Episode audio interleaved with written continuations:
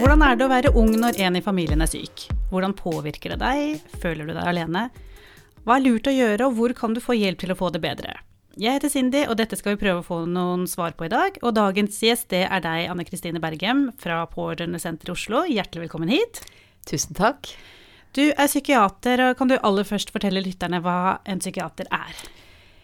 En psykiater er en eh, lege som har tatt eh, noen års eh, utdanning etter eh, at man er ferdig lege, eh, hvor man da jobber forskjellige steder i psykisk helsevern. Både på en akuttavdeling, på en poliklinikk og litt forskjellig, for å få mye erfaring. Og når man har gjort det i fem år, og tatt litt kurs og litt forskjellig sånn, så kan man søke om autorisasjon som psykiater. Mm. Så mange syns kanskje det er vanskelig å vite forskjellen på en psykiater og en psykolog. Og du kan si i praksis så driver vi med mye av det samme, men vi er altså da liksom leger eh, i, i bånn. Mm. Ja. Skjønner. Ja. Eh, og det å være ungdom og leve i en familie der noen er syke, enten det er fysisk eller psykisk, kan være slitsomt å stå i. Hva er det ungdom opplever som spesielt slitsomt? Du kan si det er jo det er jo sånn at når det skjer noe med én i en familie, så blir jo hele familien berørt. Eh, for sånn er det. Når det skjer noe med en som er nær, enten det er noen i familien eller en venn, så, så blir man jo prega av det sjøl. Eh, og det er det kanskje litt sånn at man ikke skjønner før man opplever det. Men man blir veldig berørt.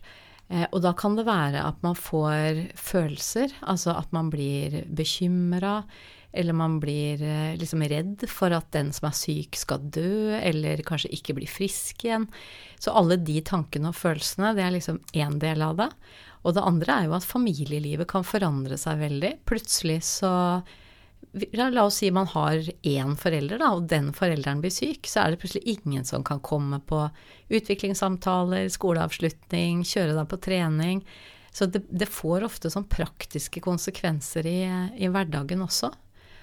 Og så er det jo sånn at noen sykdommer er det faktisk sånn at man kan skamme seg litt over. Mm. Hvis man har en forelder som er syk pga. f.eks. Eh, at man har brukt rusmidler, så kan det være flaut. Eh, og da blir man litt ensom òg, for da har man kanskje ikke lyst til å fortelle det til noen.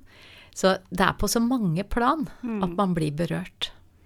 Ja, for det er jo synd at det fortsatt er sånn at det er mer skambelagt eller flauere å si at eh, en av foreldrene kanskje er alkoholiker eller har rusproblem, enn at de har kreft, f.eks. Ja, det er veldig synd at det, er, eh, at det, er, sånn. Og noe som er enda mer eh, skambelagt, det er jo å ha en forelder i fengsel. Men, men det er faktisk sånn at mellom 6000 og 9000 barn og ungdommer i Norge opplever det hvert år. Så det er ganske vanlig. Men eh, allikevel så, så er det mye skam knytta til det. Og, og de tilstandene som det er knytta mest skam til, det er ofte de som uh, måtte involverer at man liksom aktivt gjør noe. Fordi det er så lett å tenke at hvis du har en sykdom som er knytta til eh, bruk av rusmidler, så er det så lett å si sånn Det er jo bare å slutte. Du kan jo bare la være. Fordi det er liksom en handling. Og man sier jo ikke det til noen som får kreft, at du må bare slutte å få kreft. For det, det kommer bare. Men, men, så enkelt er det jo ikke. Eh, avhengighetslidelser er jo også sykdommer som man ikke liksom kan noe for. Eh, selv om det er liksom andre mekanismer, så er det mer som er likt da, enn som er forskjellig. Mm. Eh, å finne balansen mellom det å være pårørende og det å leve sitt eget liv oppleves både vanskelig og ensomt for mange. Hva slags råd har du å gi til dem? Det ene er jo at det er jo fint å bry seg om noen man står nær. Sånn at det er jo, det er jo fint å være pårørende òg, for det betyr jo at du har mennesker i livet ditt som betyr noe for deg. Eh, Problemet blir hvis du blir så opptatt av det, både å tenke på det og, og, med følelser og sånn, og at du bruker så mye tid og krefter på kanskje å hjelpe til hjemme at du ikke får tid til ditt eget liv. Eh, da blir det liksom litt for mye av det gode. Så det er vel det med balanse som er det, er det viktige. Altså det er fint å hjelpe til hjemme når det trengs, men eh, sette av nok tid til å være sammen med venner, til å få gjort skolearbeid. Og, og den som er syk, vil jo det beste for barna sine, selv om man er syk. Eh, så kanskje snakke litt sammen om det i familien, og finne ut hva er det ok at jeg hjelper til med? Hvor mye er det ok at jeg prioriterer til venner, skole, fritidsaktiviteter? Eh, så det er kanskje beste rådet. Så hvis det går an å snakke sammen om det i familien, så finner man ofte løsninger. Men, eh, men man må få påfyll et sted. Skal man, skal man, liksom orke å være en pårørende som bryr seg, så, så har man ikke sånn utømmelig med krefter. Så da, da, må man få påfyll, og det får man jo ofte f.eks. sammen med venner, da. Mm. Særlig når man er ung, så er jo venner alt. Mm. Venner er kjempeviktig. Mm. Eh, og i min jobb som helsesykepleier på skole, så snakker jeg med mange som opplever sykdom i familien, enten søsken eller foreldre. Og jeg tror jo det er mange rundt om på skoler eh, eller i jobb som ikke snakker med noen. Eh, er Pårørendesenteret et sted de kan gå da, eller kan du fortelle litt om hva slags støtte og hva slags tilbud dere har på Pårørendesenteret? Ja, det kan jeg gjøre, og da skal jeg først si at det fins egentlig mange eh, pårørendesenter. Sånn at hvis man bor i Oslo, så kan man eh, gå på pårørendesenteret i Oslo, som heter da PIO-senteret. Mens der hvor jeg jobber, det er et pårørendesenter som måtte, fungerer sånn nasjonalt. Eh, så, så selve senteret vårt ligger i Stavanger. Men vi har tilbud til barn og unge i hele landet likevel. Man kan både eh, chatte med oss og snakke med oss på telefon, eh, skrive e-post, og så har vi egne nettsider for barn og unge som, som dere kan finne på ungepårørende.no. Og da ser man en, et sånt hjul når man går inn på den sida, og der kan man sette inn alderen sin. Og så får man eh, tilgang på informasjon som er liksom tilpassa hvor gammel man er, da. Så er man liksom 16 år, så skriver man 16, og da får man informasjon som passer for, for noen på 16. Eh, og der finner man mye informasjon eh, om ting som andre har lurt på, og som er vanlig å lure på eh, når man er pårørende.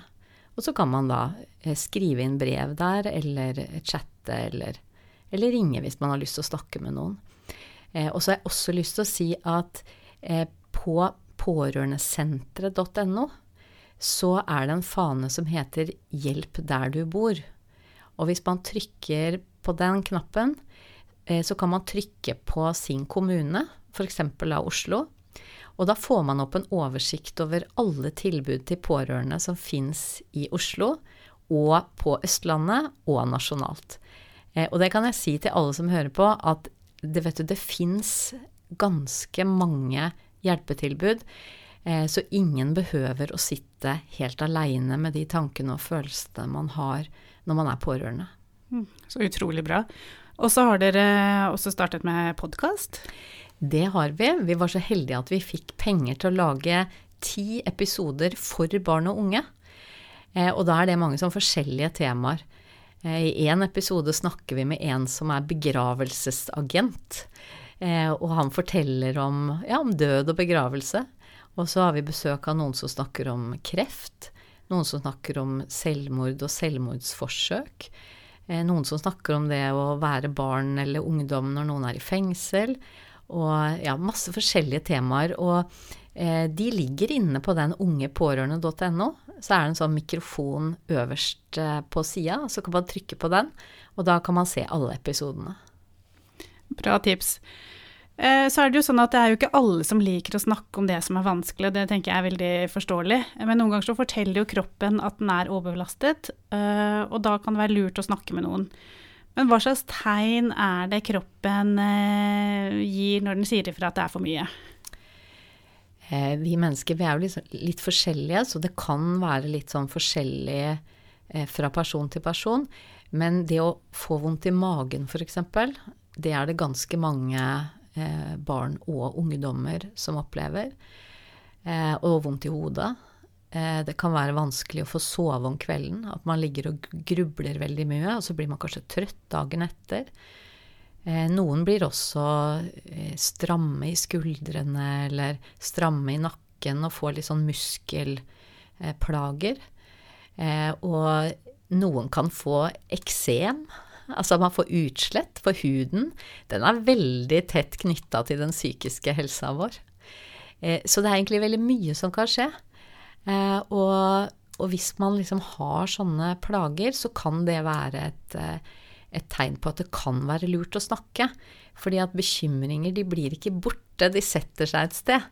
Eh, og så er det at hvis vi klarer å få bekymringene over i måte, hodet og språket, og snakker om det, så blir det liksom litt lettere å finne ut hva som kan være lurt å gjøre. For eh, når det sitter i magen, så blir det liksom vanskelig å, å, få tak i det, på en måte. Mm. Nå har vi snakket litt om hva unge kan gjøre for å ta vare på seg selv som, som pårørende. Har du andre tips til hva man kan gjøre når man er ung og pårørende? Når man er ung pårørende, så er, har jeg lyst til å si til de som hører på da, at det er jo egentlig så er det jo ikke ungdom sitt ansvar å ta vare på seg selv. Det er faktisk sånn at om foreldre er syke, eller om det er syke søsken i familien, så er det like fullt foreldrene sitt ansvar å være de voksne. Eh, så, så, vi skal ikke legge det ansvaret på ungdommene sjøl. Eh, men hvis ikke foreldrene måte, klarer helt å ta det ansvaret, da, så kan det eh, som ungdom gå an å, å si fra til foreldrene. Hvis man har en sånn relasjon, så kan man jo si at vet du hva, nå syns jeg at, at det blir vanskelig å være meg, fordi det er så mye snakk om sykdom, eller nå er det ingen som kan kjøre meg lenger på trening, og da blir det så slitsomt. Altså, det er lov å, å snakke om det. Og hvis man syns det er vanskelig, så kan man jo f.eks. da snakke med helsesykepleier, og så få litt sånn hjelp til å finne ut hvordan eh, man kan sette ord på dette. Mm. Eh, så, så, det ville jeg jo jeg kanskje tenkt er liksom den delen av det, det å snakke om det. Men det man kan gjøre for å ta vare på seg selv i en slitsom periode, det er jo å være sammen med venner. Gjøre ting som kjennes godt. Eh, være litt i fysisk aktivitet, f.eks. Det er noe som heter ABC for god psykisk helse. Og det står for ACT, Commit og Belong. Nå sa jeg det i feil rekkefølge, da. For det er jo ACT, Belong, Commit. Og det handler om gjør noe aktivt sammen med andre. Sånn at du kjenner at du er liksom en del av noe annet enn bare deg selv. Det er bra for den psykiske helsa til alle, også de som er pårørende. Mm. Og så tenker jeg på dette med åpenhet, altså hva foreldre kan gjøre. Det å være åpne inn mot skole, jobb, alt. Eh, som også vil gjøre det lettere da, for unge å snakke om det. Ja, og det du sier der, det er kjempeviktig. Og når vi snakker med eh, voksne som er syke, eller voksne som er pårørende, så sier vi det. Pass på at alle de viktige voksne i barnas liv får vite at det er litt slitsomt hjemme akkurat nå. Så trenger man jo ikke fortelle så mye sånn detaljer om sykdommen, men hvis helsesykepleier, lærer, fotballtrener får vite at vet du, nå er det en slitsom periode hjemme hos oss, så kan jo de andre voksne være med på å støtte møte den ungdommen litt ekstra. Eh, og det er kjempeviktig. Mm.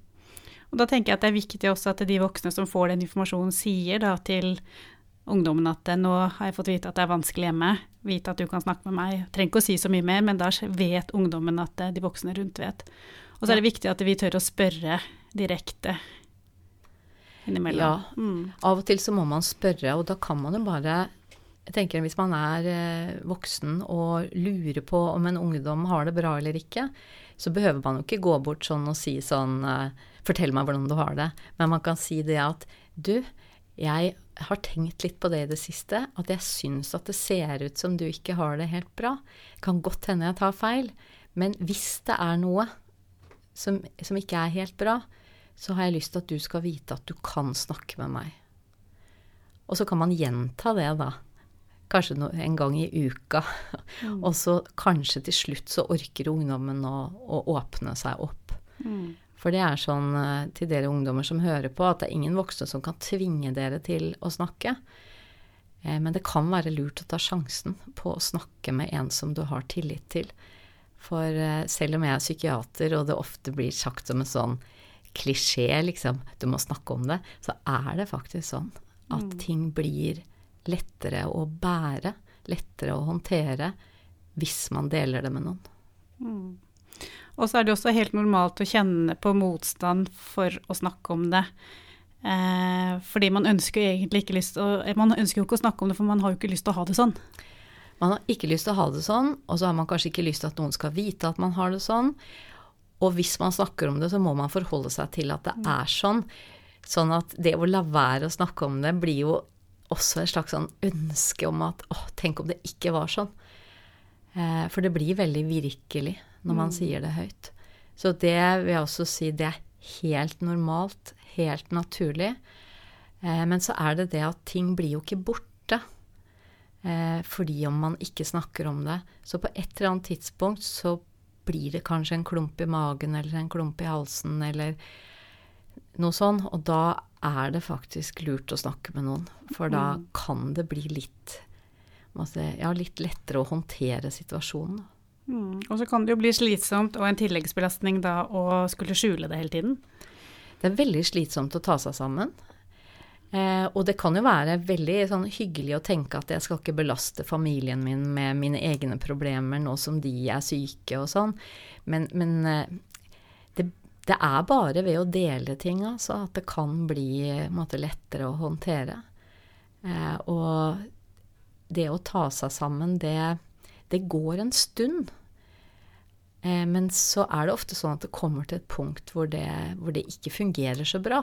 Og så kan jo det bli et problem i seg selv. Hvis du har bitt tenna sammen, da, bokstavelig talt, gått og bitt tenna sammen, så får du til slutt så vondt i kjeven og hodet at du ikke orker å gå på skolen og ikke orker å gå på trening. Og da blir det i hvert fall ikke så greit. Mm. Eh, tusen takk for at du kom hit i dag, Anne Kristine, og for at du delte så mange gode råd til de som er pårørende. Eh, å være pårørende det er tungt og slitsomt, og det er derfor lurt å snakke med noen som kan hjelpe deg til å sortere, sette ord på følelser, hjelpe deg til å ta vare på deg selv. Og husk, du er ikke alene, snakk om det, det hjelper. Det hjelper. Mitt navn er Cindy Engmark Sandvold, det tekniske var ved Helle Midtbø. Helle og Cindy har også hatt det redaksjonelle ansvaret.